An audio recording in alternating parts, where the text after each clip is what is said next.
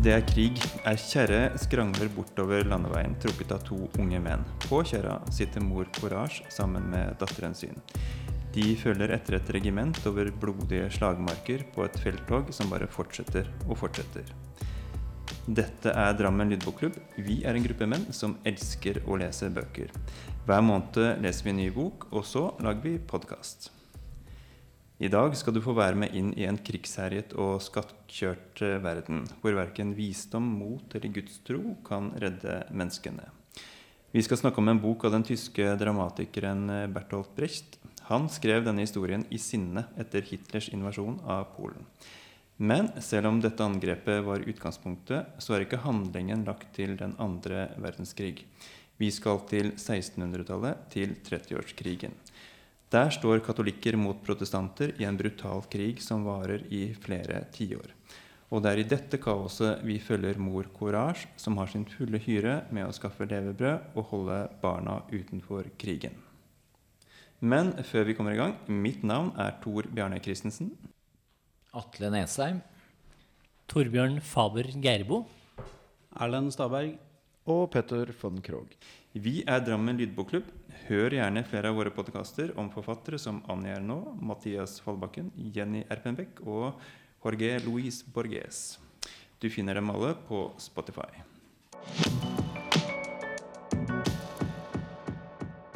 Månedens bok er 'Mor Courage og barna hennes' av Bertolt Brecht. Og dette er ikke en roman, det er et skuespill. Det ble skrevet i 1939 i Sverige i løpet av bare seks dager, rett etter at Brecht flyktet fra Nazi-Tyskland da krigen brøt ut.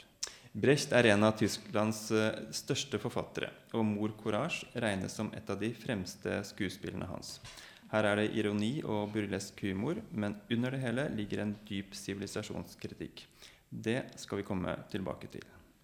Men før vi går videre, hvem var Bertolt Brecht, eh, Erlend? Ja, Bertolt Brecht var født i 1898 i Tyskland. Vokste opp i en middelklasse. Studerte eh, først filosofi og medisin, men fullførte aldri. Hun fikk en sånn grunnleggende opplevelse under første verdenskrig. Hun ble verva som sanitetssoldat og opplevde feltlasarettet på nært hold, som nok prega han for resten av livet. Han ble jo ganske fort radikalisert utover på 20-tallet også, og ble en svoren marxist. Men også veldig inspirert av det modernistiske kunstmiljøet i Tyskland på, utover 20-tallet. Og etter hvert så kommer han å gi teatret med den samme reformtankene og fornyer jo hele teatersjangeren. Når eh, Hitler kom til makta i 1933, så ble det ganske raskt utstedt en arrestordre på Bertolt Brecht fordi at han var marxist, kommunist. Og han rømmer etter hvert da ut av Tyskland som du sa, så havner han jo i Sverige, hvor han skriver 'Mor Courage'. Rømmer videre, eller reiser videre i eksil over til USA. Og skriver mye av litteraturen sin eh, og de teaterstykkene i eksil. Så det er en eksillitteratur, det her. Men han trives aldri i USA, i California. Trives ikke i Los Angeles. Og reiser tilbake til det kommunistiske Øst-Berlin etter krigen. Og der blir han jo etter hvert etterkrigstysklands største forfatter. Spesielt innenfor dramasjangeren.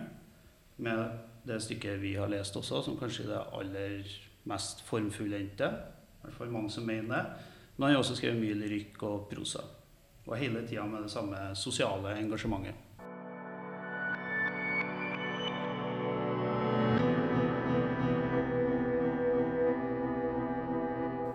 Mor Courage er det man kaller episk teater. Hva er det som skiller det fra det tradisjonelle teatret, Petter? Det som kjennetegner episk teater, er kanskje det at uh, han har i større grad fokus på publikum, og hvordan, de, uh, hvordan han ønsker at de skal oppfatte teatret. Um, hvordan han ønsker å gjøre håper jeg, dem mer uh, kritiske i forhold til både det de ser på scenen, ved å bruke enkelte virkemidler som brekker opp uh, stykket rent uh, dramaturgisk og sånn. Uh, også bak det hele, litt dypere, så ligger jo det at han ønsker å, å løfte frem kanskje den um, omverden observerende evna deres. At han var jo en engasjert dramatiker Brecht, og ønska på en måte å løfte da blikket og den kritiske evna til publikum gjennom stykkene sine. Um, kanskje da i større grad enn noen av sine forgjengere som uh, hadde mest fokus på at denne fortellingen som uh, foregår foran uh, deg nå, kjære publikum, den skal, den skal du leve deg inn i og, og på en måte kjøpe for alle penga. Så var han kanskje i større grad opptatt av det som satt igjen når tilskuerne gikk ut fra teatret, da. Handlingen i Mor Courage er altså lagt til 30-årskrigen, men det er sikkert mange som ikke kjenner denne krigen så godt. Hvem er det som kjemper mot hverandre her, Torbjørn? Ja, 30-årskrigen eh, begynner jo som en krig mellom uh, katolske og protestantiske eh, fyrstedømmer innenfor det tyske keiserdømmet. Men etter hvert så baller det på seg, og det kommer stormakter fra utenfra, blir med. og Eh, Frankrike er med, Danmark, Norge er med. Eh, Sverige har en veldig viktig rolle her. Eh, så det er, eh, det er en, en, lang og veldig brutal krig over 30 år. Sikkert med litt sånn faser opp og ned, men eh, det er en eh, fryktelig svøpe over, eh, over, det som er dagens Tyskland. Da. Det er jo områder hvor som to tredjedeler av befolkningen døde av liksom, krigshandlinger og hungersnød og mer, mer. Så det er en, en fryktelig periode, rett og slett.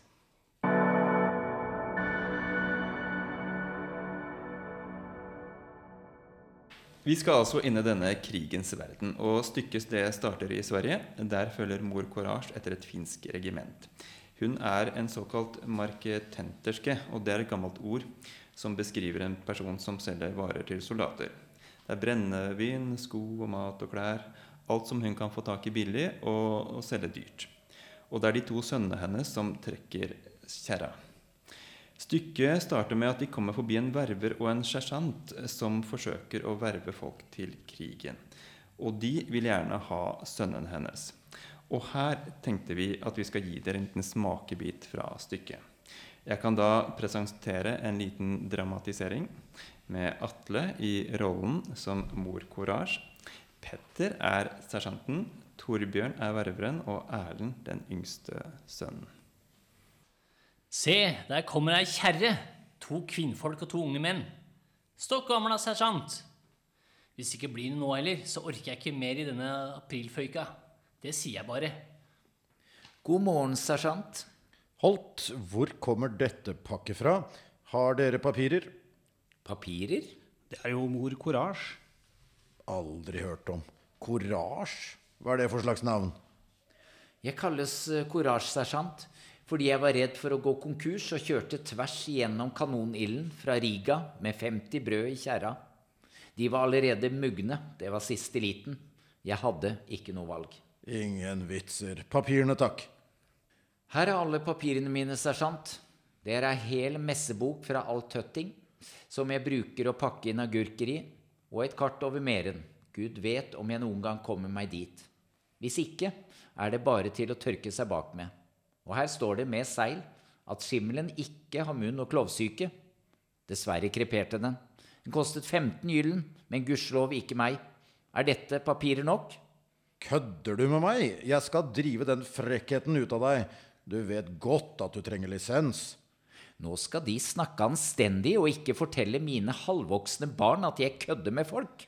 Det passer seg ikke. Jeg har ingenting å bevise for dem. Min lisens hos andre regiment er mitt ærlige oppsyn. Og hvis de ikke er i stand til å lese et ansikt, så kan jeg ikke hjelpe dem. Ingen får stemple meg i trynet. Mange takk, det var helt nydelig. Eh, ververen han klarer til slutt å lure med seg den eldste sønnen, mens mor Courage er opptatt med å gjøre en handel med sersjanten, som vanlig. Mor Courage hun har tre barn som alle har forskjellige fedre. Det er Eilif, og så er det en gutt som hun bare kaller for Sveiserosten, og datteren Katrin, som er stum. Mor Courage kan vel sies å være en uvanlig mor. Og jeg tenkte vi kunne høre litt hvordan hun beskriver barna sine. Fortsatt med Atle i rollen som mor Courage, og i denne scenen skal hun møte sønnen Eilif igjen, ett år etter at han ble vervet til krigen. Å, for et ansikt han kommer til å sette opp når han får øye på meg. Han er min kloke og dristige sønn. Jeg har en dum en også, men han er en ærlig sjel. Dattera mi er ingenting. Hun holder i alle fall kjeft. Det er jo noe. Vi følger mor Courage og barna hennes gjennom Europa over en periode på mer enn ti år. Hun følger etter ulike regimenter og gjør sine forretninger. Når hun er med protestanter, så heiser hun det protestantiske flagget. Og er hun med katolikker, så heiser hun det katolske flagget. Og ett for ett mister hun barna sine. Eilif er modig, men motet fører til at han blir drept. Sveitserosten er ærlig, men ærligheten gjør at han mister livet. Og Katrin, den stumme datteren, blir skutt da hun varsler innbyggerne i en by om et nært forestående angrep. Og hver gang er mor Courage opptatt med en eller annen handel som hun gjør at hun ikke greier å redde dem. Til slutt står hun helt alene igjen, og det slutter slik, Atle. Håper jeg klarer å dra kjerra alene. Det skal nok gå, den er nesten tom. I bakgrunnen passerer et annet regiment med fløyter og trommer. Hallo, ta meg med!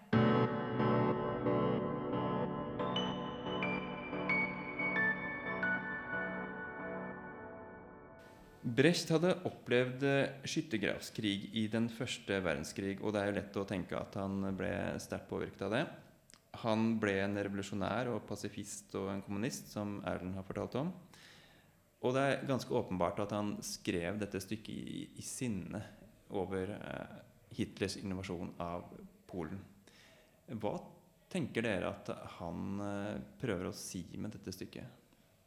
Jeg tenker at eh, Som vi var inne på, så sier jo ikke Brecht gir jo ikke noen svar. Han eh, utfordrer jo den som ser på, eller hører på, leser, til å på en måte gjøre opp sine egne meninger og være kritisk mot, eh, mot det samfunnet som bringer frem eh, disse forholdene. Det, Ja, og så tenker jeg det er vel litt sånn at eh, han får jo godt fram med dette stykket hvor eh, kaotisk og på en måte håpløst det hele er. Altså, det meste går jo på båten eh, i overlevelsens navn.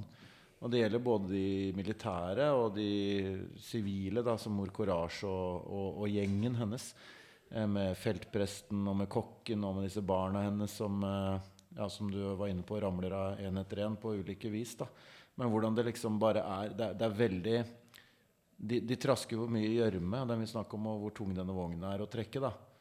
Og du kjenner liksom gjørma rundt uh, all teksten her. At det er, det, er, det er liksom Du får en følelse at det er krig og mørkt og grått og sump og så eh, det er et eller annet, Han får jo frem det. Jeg vet ikke om det liksom lå bak at han ønska å, å løfte det fram i dette sinnet over invasjonen av Polen. Men det er liksom noe med at du får jo ikke følelsen av at krig er noe veldig sånn Det er ikke noe glansa bilde han gir, da.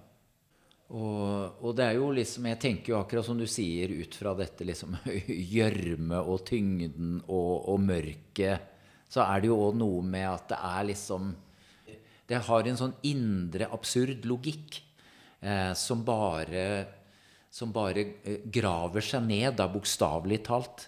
Altså hvor du skjønner at det her, her, her går vi bare i en spiral, og den spiralen går én vei. Og det er nedover. Og så tenker jeg at eh, Historie er ofte skrevet om de store slagene og fra lederne sin side. Det er de store militære alliansene og det som kjempes ut, eh, sett ovenfra. Men hos Brecht er det jo hele tida sett nedenfra. Fra, her fra en helt vanlig handlerske som prøver å livnære seg og holde liv i barna sine. Har ikke noe større mål, prosjekt i livet enn å komme seg gjennom. Hun sier også underveis, jeg husker ikke akkurat hvor det sto, men hun sier at for oss så betyr det ingenting hvem som vinner denne krigen.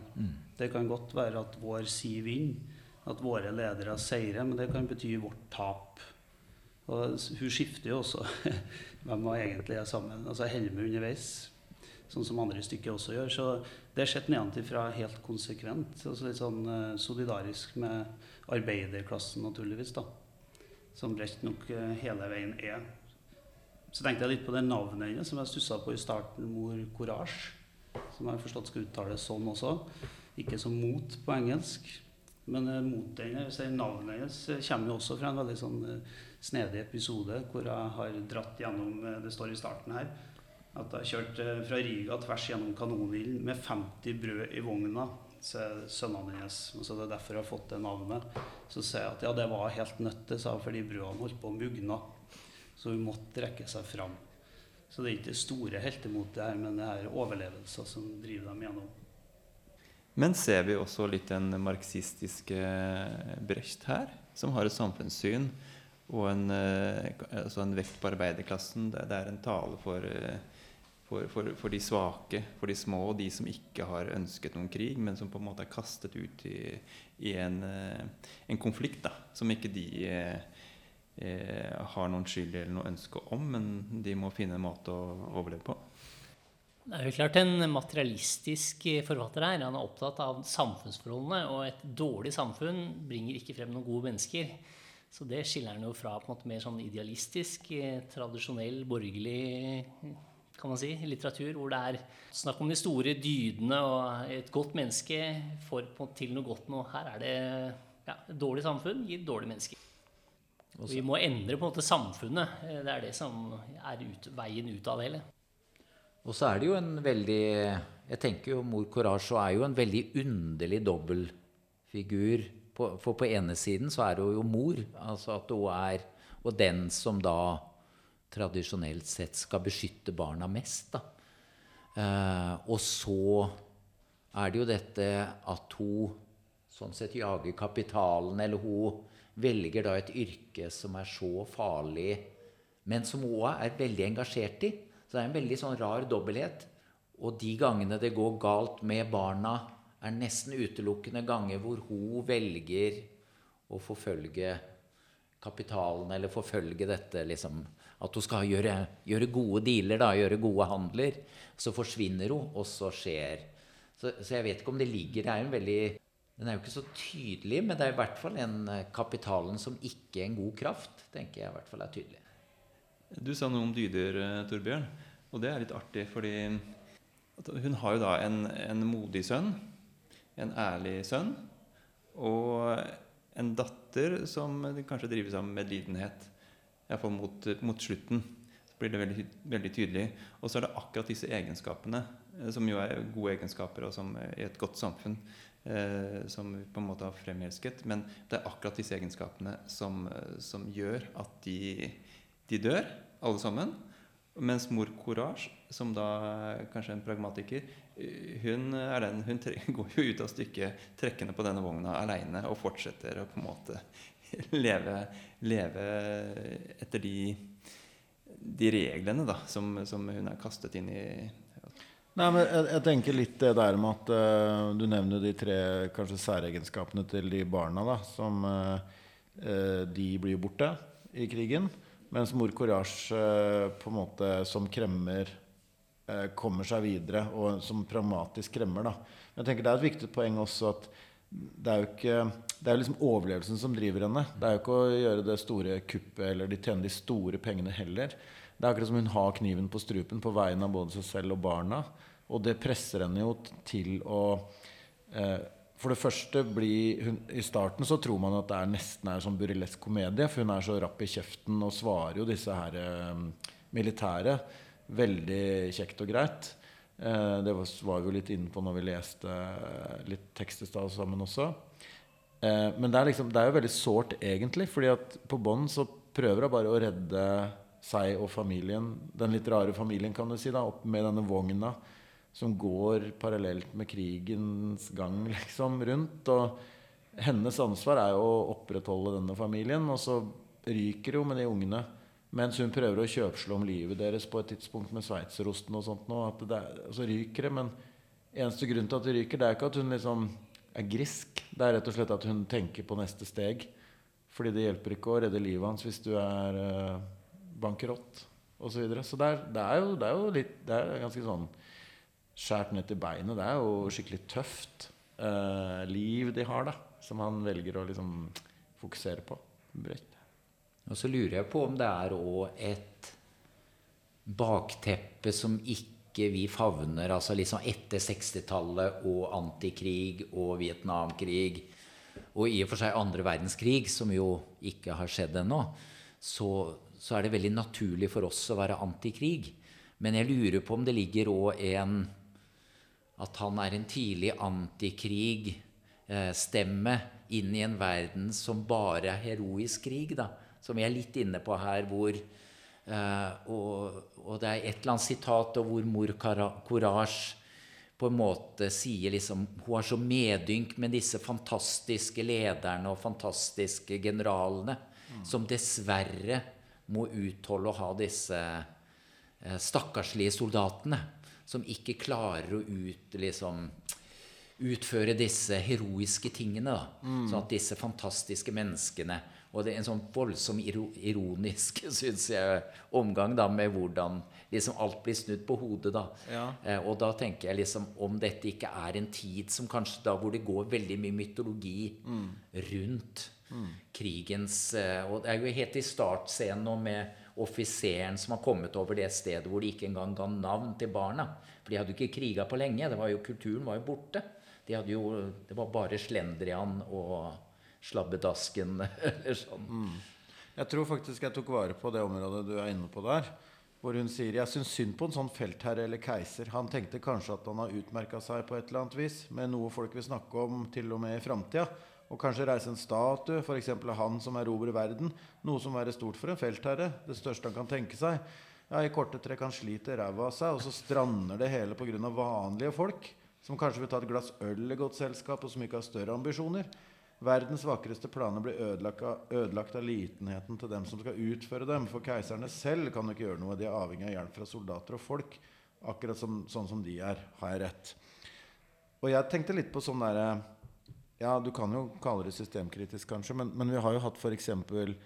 direktør i Helseplattformen i det siste som sier at det er jo de ansatte som det er noe gærent med, ikke systemet.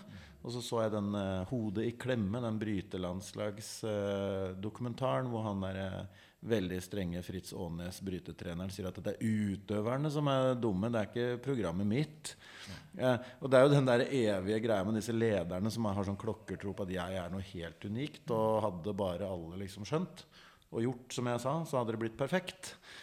Eh, som hun jo kanskje tror på som en eh, at, at, det er sant, liksom. Men, men samtidig, det, så, fra Brechts ståsted, så tenker jeg at dette er jo veldig, det er en sånn klassisk felle å gå i. da hvor du opphøyer lederne til kan det være Hitler, liksom?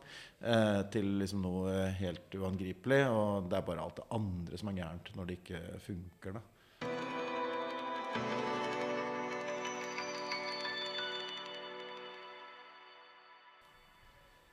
Men eh, tenker dere at eh, altså, nå står vi også i en situasjon hvor det er krig eh, i Ukraina. Eh, og, og, denne fortellingen handler jo om krig, og hva krig gjør med mennesker. Eh, og, og, vi var litt inne på det. Det er på en måte Du må være pragmatisk og, og ja. Du, du, blir på, slags, på, på, en måte tvunget inn i en situasjon hvor du, du, er nødt til å bryte med en del verdier og, stå i det, da, sånn som Mor Courage gjør. Eh, Syns dere denne boka kan leses inn i vår egen tid og har noe å si eh, i den situasjonen vi står i vår tid? Jeg vil jo tro at man kanskje ikke gjerne setter opp Brecht i, på Kiev, i Kievs teater. Det tror jeg ikke. jeg tror dette, måte, dette bryter jo med den heroiske tankegangen rundt krig. Og det er, en, det er, en, utfordring for alle som driver krig, enten man er på den ene siden eller den andre siden. Så jeg, jeg tenker at denne bør man lese. Så får man jo gjøre seg opp sin mening selv, kanskje. Og så er det jo Jeg tenker Brecht opplevde jo da en eh, Han var jo fra regimet som angrep. Og at det jo er jo Men jeg tror mange av oss har tenkt på, når man ser disse bildene fra der de holder på å krige nå, hvor, hvor, du Apropos det å grave seg ned i en spiral. Altså hvor du ser at du tenker Ja, men hva er igjen? Altså hva er det de egentlig dypest sett kriger om? Altså de ødelegger alt. Altså at det liksom Seierens pris er at det er ingenting igjen. Det er ingenting å bo i. Er, disse byene er tømt. Det er, altså det, er, det er, rett og slett slagmark. Det er liksom utsletta. Alt. Ja, Og det hadde jo han sett i første verdenskrig, som var kanskje var enda altså ikke bare kanskje, men var enda mye verre enn uh, krigen i Ukraina. Med tanke på hvor mange mennesker som døde. Eh, og det var også en krig som fortsatte lenge, og øh, det var ufattelige lidelser. Så han kom jo derfra, og, og, og har med det som et bakteppe, og blir jo da pasifist. Eh, og så har du disse krigsherrene da, som også er med i boka, som på en måte bestemmer krigens gang. Og så må alle på en måte danse litt etter deres piper. Og akkurat det ligner jo på dagens situasjon, hvor, hvor, man har en, en russisk leder som, som, går til krig mot et annet land og på en måte tvinger sin befolkning inn i krig. Mm. Eh, og alle må, må gjøre eh, handle etter hans vilje, og, og helt sikkert begå handlinger de aldri ville gjort eller tenkt på ellers. Mm. Ellers, jeg tenker også litt på etter første verdenskrig og, og etterspillet eh, for Tysklands del. Så de kom jo veldig dårlig ut. Og var jo gjennom en mellomkrigsperiode som var eh, hva skal man si, veldig nedverdigende. Da, ikke sant? Det ble jo en overreaksjon egentlig i kjølvannet av første verdenskrig som gjorde det lettere for Hitler å, å trekke um, tilhengere. Fordi at uh, han kunne spille på det at de var undertrykt av hele omverdenen. Da. I stor grad mye av det som Putin også spiller på av type følelsesregister blant uh, innbyggerne. Men jeg blir alltid fascinert av dramatikere da, som har den uttrykksformen. Jeg blir ofte litt sånn Jeg må ofte liksom tenke meg om to ganger når jeg, altså Til forskjell fra jeg leser en bok, for det føler jeg bare, det kan jeg svelge ganske greit. Og så er det sånn Oi, her er det, her er det et teaterstykke. Uh, det er ikke så jeg er så veldig vant til å lese. Og da blir det sånn hvor mange lag eh, må jeg lete etter her, da? Eh, mens i brest, dette Brecht-stykket så følte jeg at det, det, var ikke så vanskelig å se lagene. da. Og det er kanskje eh, pga. nettopp det at han eh, ikke skrev det i affekt, men at det er veldig sånn sterke følelser som ligger under. Ja, og så er det jo litt sånn Jeg syns jo nesten han å beskrive krigen som en eller annen sånn Det er en slags sånn dyp kraft. Nesten sånn Ikke naturkraft, kanskje, men, at, men den kommer alltid fra toppen. At han, eh, det syns jeg han får fram, apropos systemkritikk. At han, eh, og jeg tenkte Nå fletter vi jo inn litt sånn sitater her. Eh, en fullkommen krig som vi aldri kan finne feil på, den vil kanskje aldri finnes. Plutselig krig, går krigen i stå som følge av noe uforutsett. For ingen kan tenke på absolutt alt. Kanskje man overser et eller annet, og dermed er ulykken ute. Etterpå må krigen dras opp av møkka igjen. Men når krigen er i nød, står keisere og konger og paven, og kanskje Putin, parat til å hjelpe. Så i det store og det hele har ikke krigen noe alvorlig å frykte, og den kan forvente et langt liv. Ja, Det er jo en sånn beskrivelse av en dypt tragisk situasjon da, for menneskeheten. Med alle disse krigene som kommer og går. Og her har han jo valgt å legge det til 30-årskrigen, og det er helt sikkert veldig bevisst. Altså, Det er alltid en krig, og den varer noen ganger kjempelenge. Og denne tragedien kommer på en måte ikke menneskene ut av. Det er bare en runddans. Så jeg tenker det at det, kanskje Brecht vil vise at det, det trengs radikale endringer. Da. Altså at vi, vi, trenger et annet samfunn. Se hva dette gjør med menneskene. Se hvordan krigen og de, og de mektige katolikker og protestanter, konger og keisere, hva de gjør med menneskene. Altså, dette må vi bare velte om på, tenker jeg da. At det, det er noe av prosjektet her. Nå er det jo, 30-årskrigen er jo en troskrig i utgangspunktet. Altså det er jo mellom katolikker og protestanter. Så det er jo på en måte høye idealer på hver side som kanskje skiller den iallfall sånn historiemessig kanskje fra det man eh, oppfatter som mer sånne dynastikriger. Det gjør denne krigen interessant at den, den bunner i noen idealer som er veldig høye. Så er kanskje Brecht også mot på disse idealene. Tenk at idealene i seg selv bringer med seg vold og krig. Ja, og Samtidig så var vel 30-årskrigen også en meningsløs krig som ikke brakte noe resultat eller brakte den ene sida foran den andre. Men det bølga bare frem og tilbake. Syns det er stykket her av Brecht også får fram at krig er trøstesløst. på en måte. Det mm. fører ingen vei hen. Og sånn sett så er det jo, en jo veldig aktuell å lese nå også. Og settes opp på teaterstykker. For han har jo en, altså, han har på en måte mista litt trua i stykket, syns jeg, på menneskeheten. På troa er borte. Gud er jo naturligvis død her. Men han har jo veldig trua på teatret. Og på denne formen, på dette dramaet. Så han ønsker å si oss noe helt tydelig. Og han, tenker, han har lagt kanskje skjebnen i våre egne hender, på en måte, litt som Petter starta med, med publikummet. Han skal jo opplære oss publikummere uten å ta helt stilling sjøl. Og hvor er veien ut han her? Jeg stoppa litt med en av de sluttscenene når Katrin dør. Det er jo en klassisk offerscene. Altså Hun ofrer seg jo for å redde noen andre. Samtidig så er det jo ingen himmel over denne krigen. Hvordan skal vi forstå det? Nei, jo, Det er kanskje det rare her at det er liksom For det er ingen Altså Der hvor alle andre heltehistorier akkurat som du var inne på i sted, ville jo hatt noen som kunne målbære veiene ut, da, eller veiene, alternativene. Men de er jo veldig vanskelig å se her. Nei, jeg syns jo på en måte at stykket heller viser hvordan vi blir forma av krigen og styresettet rundt oss. Et av de kjente sitatene fra Brecht som jeg kom borti når jeg leste boka, var sånn der eh, altså, regjeringer skriver fredsavtaler. Lille mann, skriv ditt testament, sier Bertolt Brecht. Og Det er kanskje litt det som er moralen i stykket også. Så må vi finne veien ut sjøl, da. Men hvordan gjør vi det? Krigen gjentar seg jo. På en måte så Nesten sånn når eh, Russland gikk til krig mot Ukraina, så er det jo sånn ut av kroppen-opplevelse å se det. Har vi ikke kommet lenger. Etter første verdenskrig, hvor man brukte moderniseringa og de nye teknologiene og de beste hjernene til å utvikle de verste våpnene. Men i dag, 2022, i fjor, 2023 i år, så er vi fortsatt der. Ja, det er på mange måter den samme situasjonen som i 30-årskrigen eller i første verdenskrig, andre verdenskrig. Og krig er like brutalt uansett om det skjer i 2023 enn på 1600-tallet. Eh, så jeg tenker at Brecht vil, at han vil vise dette fram da, og skape en reaksjon hos seeren. At uh, dette er jo ikke bra. Og, og, vi trenger å endre dette. Eh, vi kan ikke fortsette sånn. Eh, men så er det jo spørsmålet er det mulig å endre det. Er, er, er dette en egenskap ved mennesket? Eller trengs det bare en samfunnsomveltning? Og han var jo marxist, og det har jo hele historien med kommunisme og sånn, og det kan vi sikkert snakke lenge om, men, og, og, det er ikke nødvendigvis en løsning, det heller. Men, men han peker på det, akkurat det, den situasjonen, da, den tragiske situasjonen mennesket står i.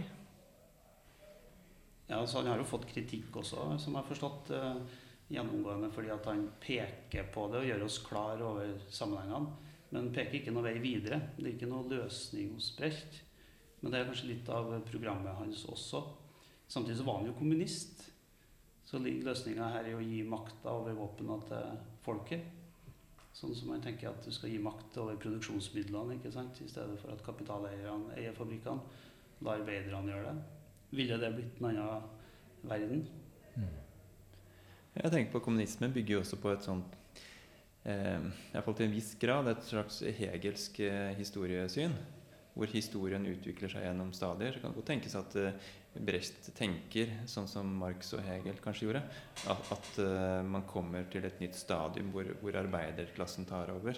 At du får et mer rettferdig samfunn hvis du bare får rydda bort alle disse feltherrene så kan vi andre begynne å, å leve. Og, og, da kan vi være ærlige og, og hederlige mennesker eh, uten å bli tvunget til å gjøre alt dette som feltherrene driver oss til. Da. Jeg sitter og tenker her litt at, det, ikke, at det, det, blir ikke urettferdig, men eh, det, det, er jo et lite sånn uh, manglende element. At vi ikke får sett dramatikeren Brechts stykke oppført også. I og med at vi er inne på det hvor viktig teateruttrykket er for han. da og vi var så vidt inne på det rundt dette med episk teater eh, i stad. Men en av de liksom nye og spennende elementene han brakte til bordet, var jo dette med fremmedgjøring. Forfremdung, som de kalte det. Hvor han nettopp ønsker å brekke opp eh, teateropplevelsen med litt sånn abrupte, annerledes innslag. Eh, som gjør det å være på teater Altså blir slag, noen slags vekkere, da som gjør at Oi, det her var jo litt sånn aparte. Det her passa jo ikke helt inn. Hva, hva, skjedde nå? Så må du bli bevisst at du sitter og ser på teater med en mening bak. Og, og, der er vi jo liksom da også inne på en vesentlig del av det som gjør at Brecht ikke bare er en holdt på å si en tilfeldig dramatiker. En ting er jo tekstene hans, men det er dette med musikken. da, te, Eller tekstene. Og, og, og, vi kommer jo inn på det straks, sannsynligvis. Hvordan nettopp musikken har vært med på å, å bære frem Brecht som en av de de navnene som vi kjenner så innmari godt, og som vi kan vel avsløre det at en av grunnene til at vi har Brecht akkurat denne måneden, er jo nettopp at vi Han dukka selvfølgelig opp i, i forrige måneds bok også. Ganske ettertrykkelig. ikke sant? Og da ble, vi, vi blir jo nysgjerrige, og vi, blir jo stadig minna på han. ikke sant? Ja, jo, Sånn sett er det jo interessant at den eneste personen jeg tenker altså Det er jo den stumme personen som du var inne på, Katrine. er jo Den eneste som gjør noe man kunne tenke på er Som nærmer seg noe heroisk. da. Og hun skytes jo bare glatt ned, og så går handlinga videre. Og Og mor Courage er på, får med seg kjerra og er på vei videre. Ja, for det er jo det spesielle her at offeret har jo ingen verdi. Nei. På en måte skjer ingen endring. Det er bare at mor Courage mister også sitt siste barn. Jo, men det er allikevel et lite håp. For i den scenen da kommer altså katolikkene, den katolske hæren kommer. ikke sant? Og så har mor Courage og datteren Katrin slått seg til på en bondegård. Og så blir jo, når de ser katolikkene kommer og de har omringa byen, så skjønner de at da skal de ta byen. Og det er deres egne. Eh, og, og bøndene blir jo helt fortvilte, for de har jo til og med en svoger eller en slektning inne i byen. Og, og de, men samtidig så tenker de men vi kan jo ikke si fra. Vi kan ikke varsle dem, for da tar de oss. Så det de gjør, at de setter seg ned og ber. Ja. Ber og ber. Og kjære Gud, må du redde byen. Mens eh, Katrin hun bare ser for meg at hun rister bare på huet, og så tar hun stigen og så setter hun den opp på taket. Og så går hun opp og så begynner hun å tromme. Og da blir jo bøndene helt fortvilte og, og sier nei, nei, de kommer til å ta oss alle. Og da kommer katol katolikkene, eh, de militære, og, og truer med å drepe hele gjengen. Eh, og ikke minst eh, Katrin, og ber henne slutte. Men hun bare fortsetter og fortsetter. Og til, slutt- til slutt så blir hun skutt. Men hun greier jo faktisk å vekke byen. Så et lite håp er det. Ja. De, de våkner, og hun hører vel Det, skriver, det høres vel kanonild, og de, de tar til våpen. ikke sant? Så de, et, et lite, lite håp er det allikevel. Det er litt sånn ironi her innebygd i stykket også, hvor den stumme her er den som kanskje bærer fram en form for moral, da. Mens Brecht, som jo slett ikke er stum, kanskje ikke har moralen eh, så tydelig uttrykt, i hvert fall. Så han, eh, han er gjennomført eh, litt sånn ironisk hele veien. Mm. Det er jo herlig også å lese en forfatter som er så gjennomført politisk. Og som tenker at det her er brukskunst, på en måte. Han var jo opptatt av det med den fremmedgjøringseffekten av forfremdungsteatret. At du skulle ikke oppleve det, som du Petter sa, du skulle ikke sitte igjen med noen sånne følelser. Men du skulle sitte igjen med en forståelse. Jeg forsto også han, han ble jo gjendikta på nesten alle språk. skal jeg si. Han var ikke så opptatt av at det skulle være tro mot hans original, men det måtte gjendiktes sånn at du beholdt budskapet på det språket det ble oversatt til. Så han var opptatt av at eh, litteraturen skulle kunne brukes til noe. Ja, og det, det du nevnte ironi, og, det, det er jo veldig mye ironi og humor. Det er jo artig å lese denne boka. Jeg, jeg lo flere ganger, og det, det, er et friskt språk. Eh, og en veldig fin oversettelse som jeg leste av eh, Øyvind Berg, gitt ut i 2021. Så, så, så det er en fin eh, opplevelse.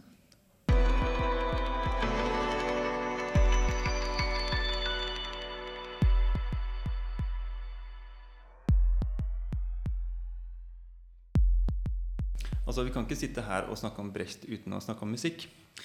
Og etter at vi valgte denne boka, så ble jeg litt nysgjerrig på Brecht. For jeg hadde jo hørt at han hadde samarbeida med Kurt Weil. Og Tom Waits, en av mine yndlingsartister, han er inspirert av Kurt Weil. Eh, og så begynte jeg å søke, og så dukka det opp stadig flere kule folk. Nick Cave, Lou Reed og PJ Harvey de har alle sammen eh, gitt ut sanger av Brecht.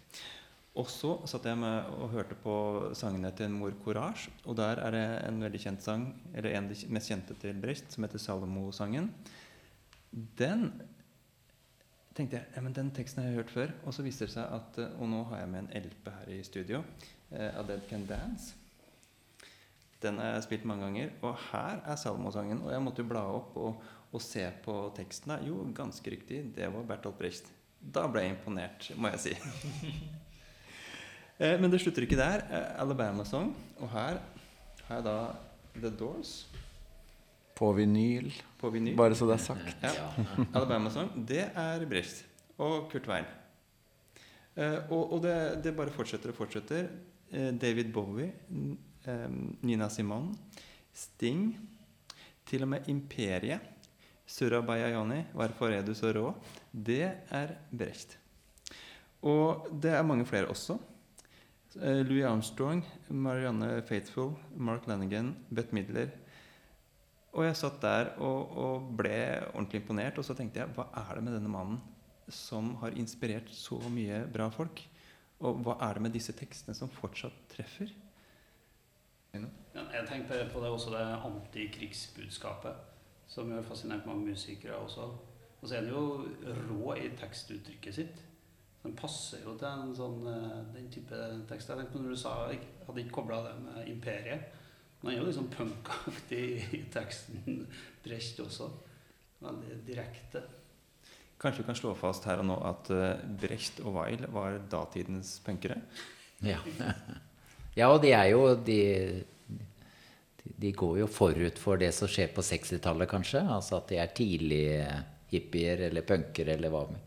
Men de er i hvert fall det, det er et eller annet de tar tak i som er veldig tidlig ute i en tid som holder på med helt andre ting så er de noen stemmer som da peker mot noe som blir tatt opp mye seinere, eller mye kraftigere seinere.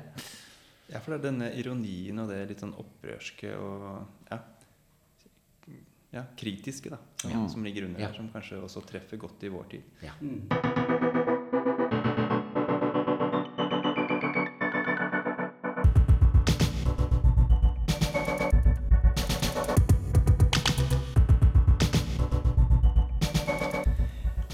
I Drammen lydbokklubb vi, jo, vi tenker at vi skal gi noen anbefalinger til folk.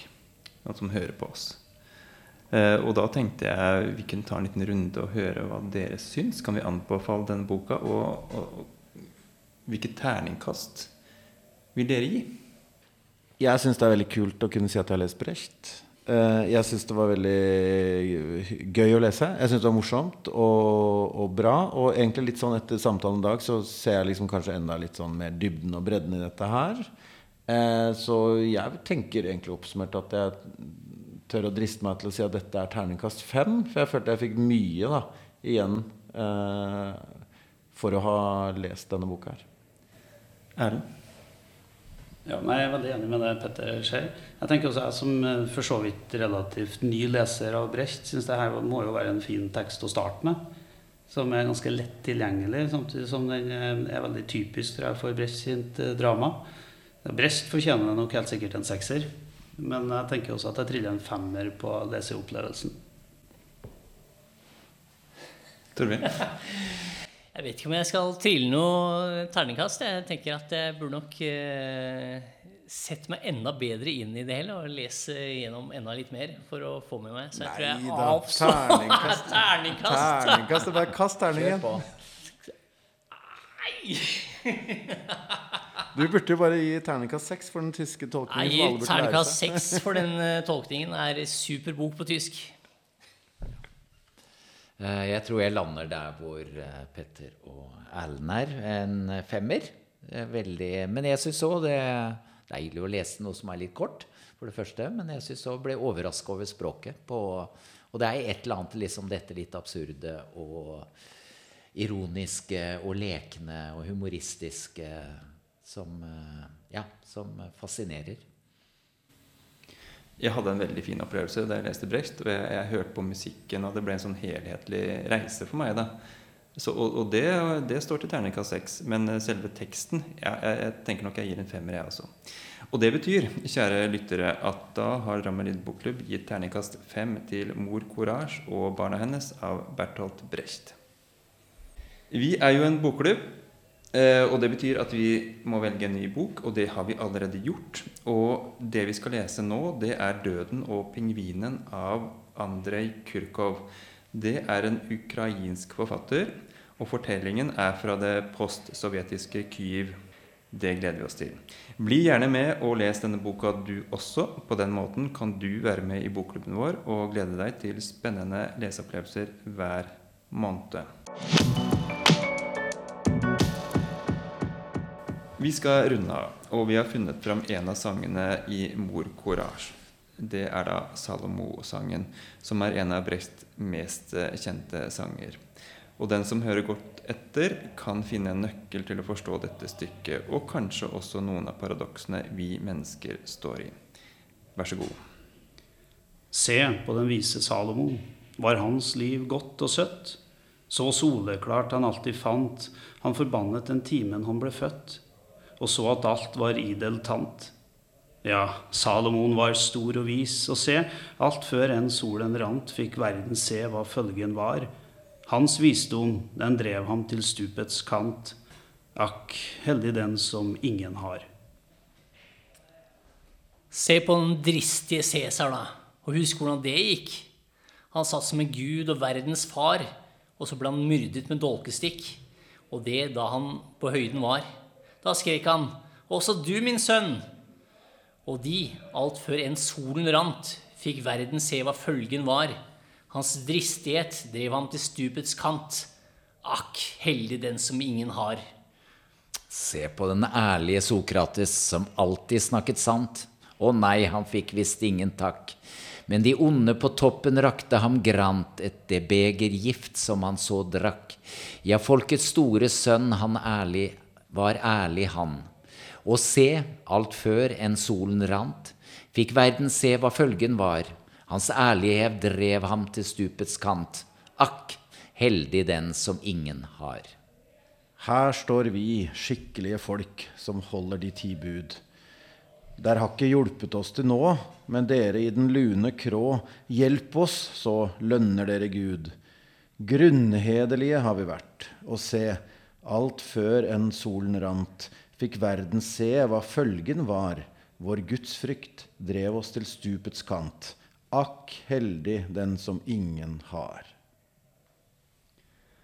Og med denne kommentaren til de rådende forholdene i verden sier vi takk for oss.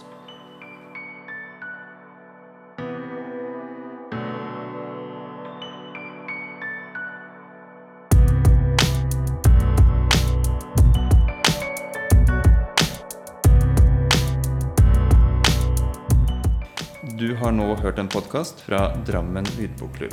Vi leser mye spennende og kommer tilbake med nye leseopplevelser hver måned.